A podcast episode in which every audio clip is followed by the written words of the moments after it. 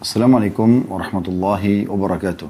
Alhamdulillah, wassalatu wassalamu ala rasulillah. Segala puji dan puja kehadirat Allah subhanahu wa ta'ala. Juga salawat dan taslim kepada Nabi besar Muhammad sallallahu alaihi wa ala alihi wa sahbihi wasallam. Ketemu lagi teman-teman sekalian di sore hari, di hari Senin. Yang rutin kita lakukan setiap pekannya. Pukul 16.00 sampai 17.00 kurang lebih kita akan membedah buku kumpulan doa dalam Al-Quran dan hadis yang ditulis oleh Syekh Sa'id bin Wahf Al-Qahtani. Dan kita akan masuk insya Allah ke bab 67 pada kesempatan ini dan beberapa bab ke depannya. Yaitu bab ke-67 nya doa melihat bulan sabit di awal bulan. Dan memang uh, ada anjuran untuk membaca doa ini setiap kali melihat bulan ya, atau uh, awal bulan. Dan tentu termasuk dalamnya bulan suci Ramadan yang sebentar lagi kita akan uh, raih insya Allah uh, kemanfaatnya, keutamaannya dan semoga Allah SWT mudahkan kita semua agar bisa mencapai Ramadan ini uh, baik umur, kesehatan, kesempatan dan juga bertambahnya iman serta menjadi penyebab kita masuk ke dalam surga dan selamatkan dari api neraka. Allahumma amin.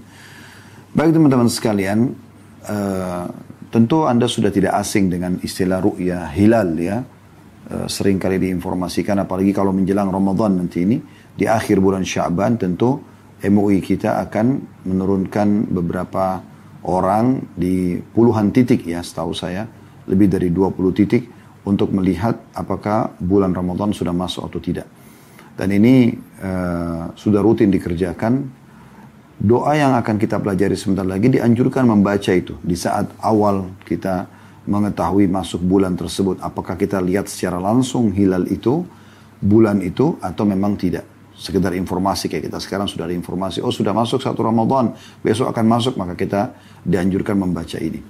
Itu di Ramadan dan di luar Ramadan tentunya. Tapi Ramadan kita skala prioritaskan karena memang kita butuh mengetahui oh saya sudah masuk satu Ramadan atau belum. Terlebih lagi memang Ramadan adalah sebuah atau sosok ya, tamu istimewa yang harus setiap muslim di antara kita menyambutnya dengan meriah, dengan ceria, dan menepis semua persepsi negatif yang dibisikkan oleh syaitan agar kita uh, patah semangat ya, atau kurang semangat menyambut Ramadan.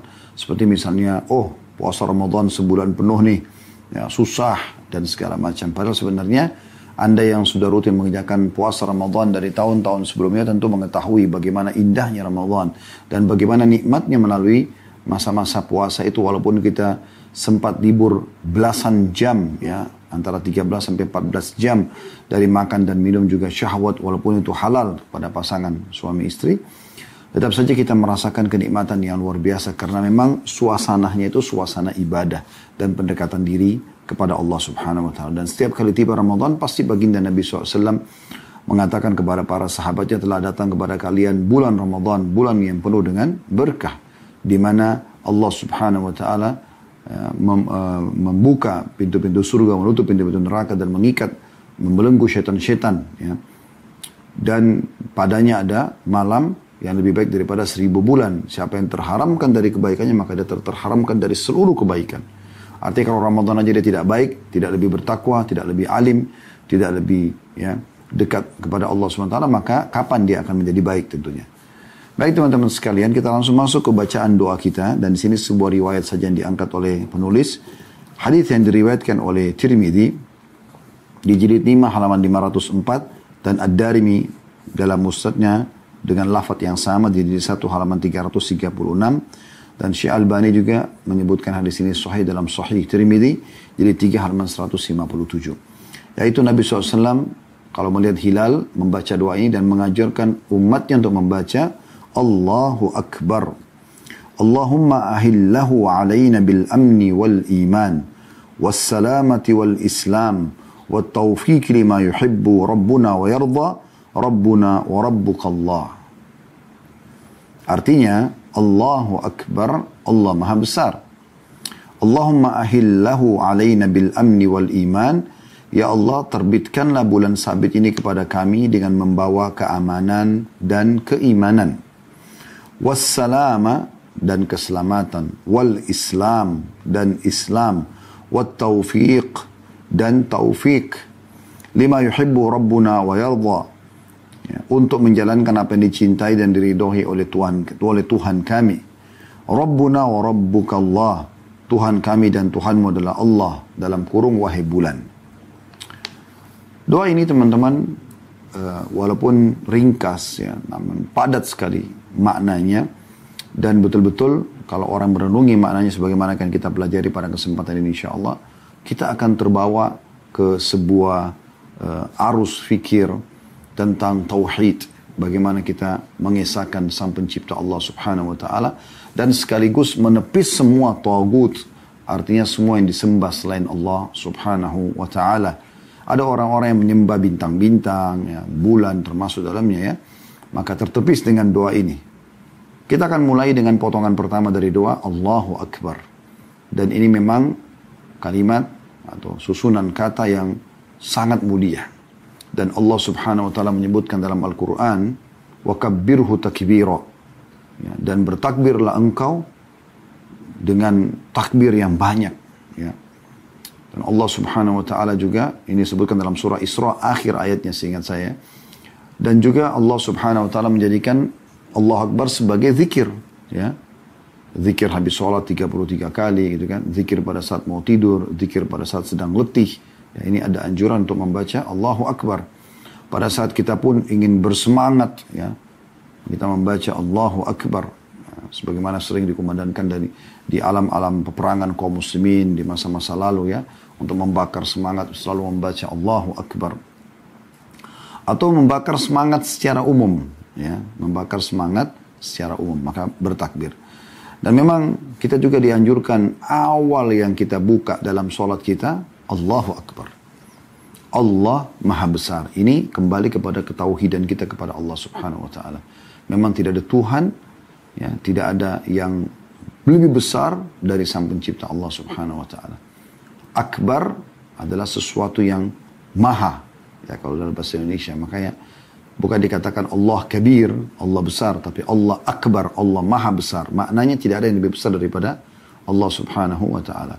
Semua yang kita bisa jangkau dengan mata kita ini atau tidak bisa kita jangkau di langit, di bumi, di kedalaman lautan, semua itu adalah bagian kecil bahkan para ilmuwan sudah Allah Subhanahu wa taala mudahkan untuk mempelajari dan mengetahui dengan apalagi dengan teknologi yang ada zaman sekarang, mereka terkagum-kagum mengetahui ternyata bumi kita ini hanya seperti butiran pasir atau debu yang sangat kecil di alam semesta ini dibandingkan bintang-bintang yang lain yang jumlahnya miliaran. Ya, dan Allah alam ada apa di sana kehidupan yang Allah ciptakan. Yang jelas kita tahunya ya bumi ini sangat kecil. Oleh karena itu kita mengatakan Allahu Akbar. Dan orang kalau merenungi makna ini harusnya bergetar hatinya. Di mana dia bisa menyadari ternyata semua kecil selain Allah Subhanahu wa taala. Seberat apa pun permasalahan yang sedang Anda hadapi, sebesar apa pun kebutuhan yang Anda ingin ya terpenuhi, maka Allahu Akbar. Allah lebih besar daripada semua itu. Sebesar apa pun jumlah musuh yang sedang anda hadapi, sehebat apa pun tipu daya mereka, persenjataan mereka, Allahu Akbar. Allah Maha Besar. Apalagi kalau hanya sekedar ya, menghadapi pasangan yang sedang bermasalah digoda oleh syaitan, istri, suami, atau anak-anak, atau atasan, atau bawaan, atau teman-teman secara individual. Ya, seluruh alam semesta ini pun masih kecil dibandingkan Allah. Ucapkan Allahu Akbar dalam hati tulus. Lalu setelah itu sampaikan hajatmu. Maka Allah maha besar di atas segala-galanya. Semua permasalahanmu jadi kecil. Semua nikmat pun yang kau harapkan agar Allah selalu berikan sangat kecil. Ya, di sisi Allah subhanahu wa ta'ala. Allah memberikan rezeki seluruh makhluknya. Apalagi cuma kita. Tinggal bagaimana kita manja dan merengek saja kepada Allah subhanahu wa ta'ala. Selalu renungi kata-kata ini. Potongan yang kedua, kita mengatakan setelah mengatakan Allah Maha Besar ini sekaligus tentu memberikan gambaran bulan itu kita lihat besar pun Allah lebih besar. Bintang-bintang dan langit lebih besar, Allah Maha Besar. Makanya kita mulai dengan Allahu Akbar. Kemudian Allahumma ini gabungan antara Allah dan mim ya. Kalau Anda hapus tutup mimnya maka itu adalah Allah. Ya, kalau ditambah mim maka disebut dalam bahasa Indonesia panggilan ya Allah. Allahumma ahillahu alaina terbitkanlah bulan sabit ini kepada kami. Berarti kan kembali kepada tauhid lagi. Allah yang ciptakan bulan sabit tersebut, Allah lah yang menerbitkannya. Lalu kita minta kebaikan ya yang ada pada terbitnya bulan itu. Maknanya sebulan penuh ini, karena kan kita setiap bulan dianjurkan baca doa ini ya. Sebulan penuh ini ke depannya Allah, kami mohon kepadamu. Ya, seperti itu kurang lebih. Ya, kita memohon kepada Allah Subhanahu wa taala. Dan ini dianjurkan baca setiap bul eh, setiap bulannya ya. Dan ini kembali kepada tauhid sekali lagi meyakini bahwasanya Allah yang telah menciptakan bulan sabit itu dan juga yang menerbitkannya sehingga mulailah hitungan awal bulan manusia.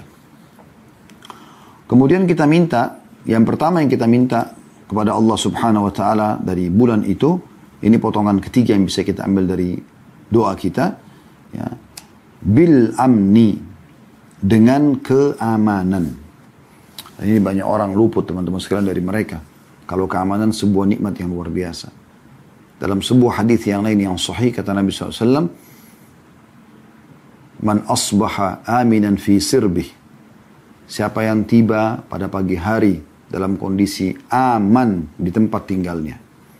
Di wilayahnya, di kotanya, di negaranya. Mu'afan fi jasadi.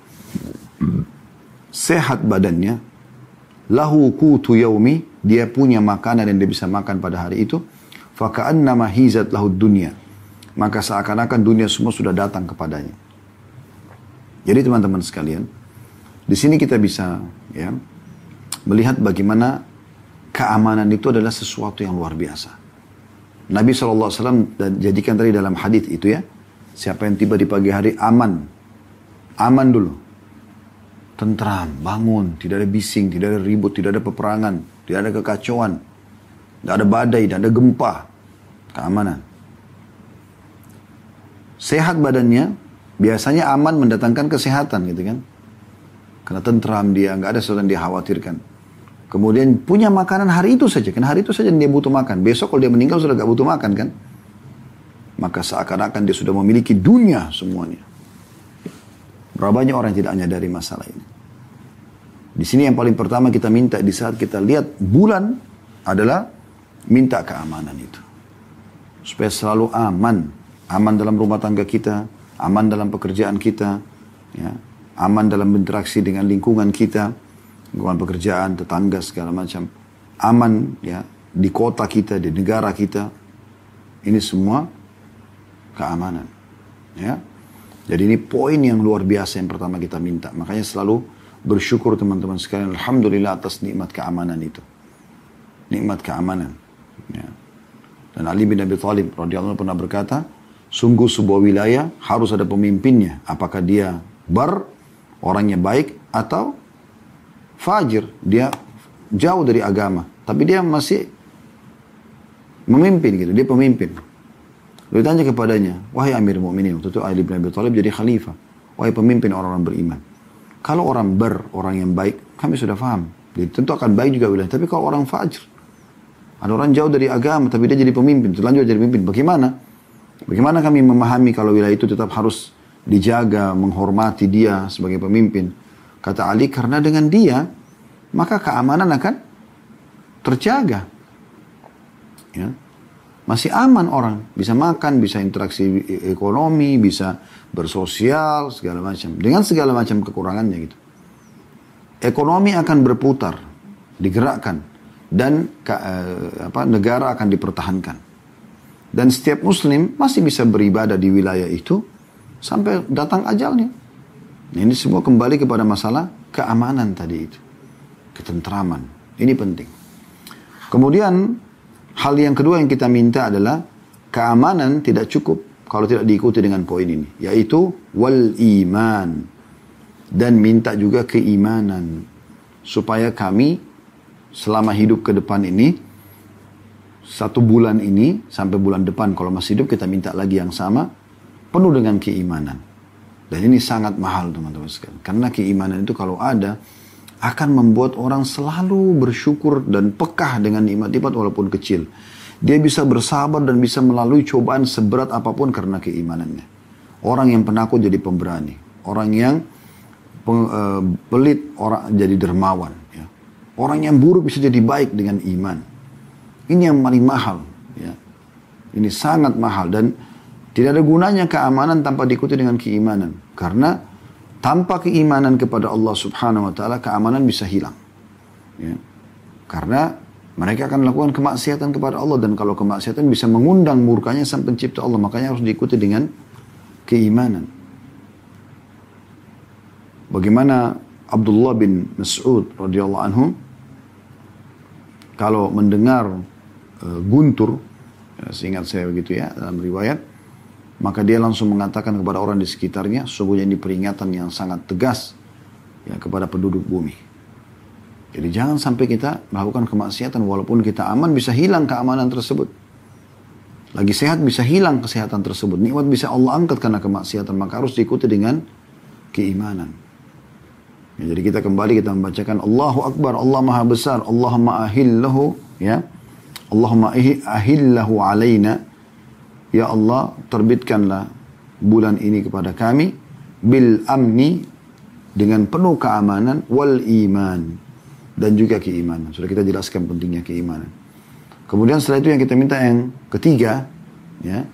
Nah, ini berarti potongan yang kelima dari doa ini kalau kita bedah-bedah ya. Potongan pertama tadi kita jelaskan makna Allah Akbar, potongan kedua kita menjelaskan tentang bagaimana tau, mentauhidkan dan meyakini tauhid kepada Allah dengan terbitnya bulan sabit tersebut. Karena Allah ciptakan dan Allah pula yang menerbitkan bulan sabit itu. Yang ketiga makna dan bagaimana kita mensyukuri nikmat keamanan. Yang keempat tentang masalah iman. Dan sekarang yang kelima adalah wassalamah dan keselamatan ya. Keselamatan yang paling pertama keselamatan daripada kekufuran daripada kemunafikan kemaksiatan ya. Kemudian baru keselamatan dari serangan-serangan musuh. Jadi kita minta itu. Subhanallah di awal bulan kita sudah minta semua ini. Satu bulan ke depan semuanya aman. Keselamatan di sini berarti keselamatan dari segala macam mara bahaya. Dari hal yang kecil sampai hal yang besar. Ya, ini poin perlu digarisbawahi. Gitu kan? Kemudian kita minta yang keempat, dan ini potongan keenam berarti dari doa ini kalau kita bedah, wal Islam. Dan juga dalam keadaan Islam karena tidak ada agama di sisi Allah SWT kecuali Islam. Jangan sampai kita bulan ini na'udzubillah beriman, bulan depan kita jadi kufur. Sebagaimana sabda Nabi SAW, ya akhir-akhir zaman nanti ada orang tiba di pagi hari beriman, tapi sore harinya kufur. Ada juga orang yang tiba sore harinya beriman, paginya kufur. Maka kita minta agar selalu kita dalam keadaan Islam sampai meninggal dunia. Dan Allah SWT sudah mengatakan dalam firmannya, وَلَا تَمُوتُنَّ إِلَّا وَأَنْتُمْ مُسْلِمُونَ Dan janganlah kalian meninggal dunia kecuali dalam keadaan Islam. Ya, sudah bergabung semua ini. Minta keamanan. Minta keimanan. Minta ya, keselamatan. Minta keislaman. Dan yang terakhir kita minta teman-teman saya ini potongan ketujuh dari doa. Ini permintaan kita yang kelima. وَالتَّوْفِيقِ taufiq ya. Dan taufiknya Allah. Artinya Allah memberikan kepada kita kemudahan untuk mengerjakan kebaikan-kebaikan dan meninggalkan permasalahan untuk maksiatan. Ini namanya taufik. Dan taufik untuk menjalankan apa yang dicintai dan diridhoi oleh Tuhan kami. Wa taufiqu lima yuhibbu rabbuna wa yarda. Jadi supaya semua ya detik-detik yang kita lalui itu Allah berikan taufiknya. Kayak semacam petunjuk petunjuk khusus Allah berikan kepada kita di mana kita jadi mudah setiap habis selesai satu ibadah berpikir lagi ibadah yang kedua, ibadah yang ketiga dan seterusnya. Setiap kali ada peluang dosa kita selalu menepisnya sehingga dosa yang selanjutnya kita tepis seterusnya begitu. Itu namanya taufik. Allah SWT berikan taufiknya. Ya, kita ulangi Allahu Akbar, Allah Maha Besar, Allahumma ahillahu alaina. Ya Allah datangkanlah bulan sabit ini kepada kami. Kita minta lima hal. Bil amni. Agar selalu dalam keadaan aman. Ya, wal imani. Diikuti dengan keimanan. Ya. Kemudian. Wassalamati. Dan keselamatan. Wal islami. Dan Islam. Serta wat taufiq lima yuhibbu rabbuna wa yarda. Dan taufik terhadap apa yang Allah cintai dan ya, Tuhan kami cintai dan juga ridhahi gitu kan. Lalu kemudian kita tutup teman-teman sekarang doa kita dengan menyempurnakan masalah tauhid tadi yang awal kita bahasakan itu. Di sini dikatakan uh, Rabbuna wa Rabbukallah. Wahai bulan, Tuhan Tuhan kami dan Tuhanmu adalah Allah. Berarti menandakan kau bukan Tuhan. Ini mirip dengan pernyataan Ibrahim AS pada saat beliau mengatakan kepada bulan, ya, ini mungkin Tuhanku. Tapi pada saat hilang di pagi hari tidak nampak lagi dia mengatakan saya tidak suka yang hilang. Jadi bulan itu bukan Tuhan. Kalau bulan saja yang bersinar sangat terang di malam hari tidak dinyatakan Tuhan apalagi yang lain-lainnya, gitu kan? Maka ini doa yang luar biasa gitu. Baik teman-teman sekalian, ini adalah doa melihat bulan sabit. Dan saya sudah bahasakan tadi memang yang paling uh, dekat dengan kita sekarang adalah bulan Ramadan. Dan memang ini yang paling dibutuhkan bagi umat Islam selain yang menggunakan tanggal Hijriah. Kayak di Jazirah Arab kan memang mereka menggunakan bulan dan pertanggaan Hijriah. Maka mereka tidak kesulitan untuk selalu setiap bulan mengetahui mana awal bulan ya, Hijriah. Tapi kayak kita di Indonesia kita pakai bulan Masehi. Maka untuk mengetahui awal bulan ya, Hijriah, biasanya kita lebih banyak fokus di bulan Ramadan. Ya. Oleh karena itu ini sangat berhubungan sekali dengan bulan Ramadan. Dan itu sebabnya kenapa penulis masukkan di bab 68-nya langsung ke masalah doa ketika berbuka bagi orang yang berpuasa. Ya, ya karena insya Allah kemungkinan besar Senin depan itu sudah masuk Ramadan tentunya ya. Dengan izin Allah subhanahu wa ta'ala. Maka kita sudah bisa pelajari dari sekarang.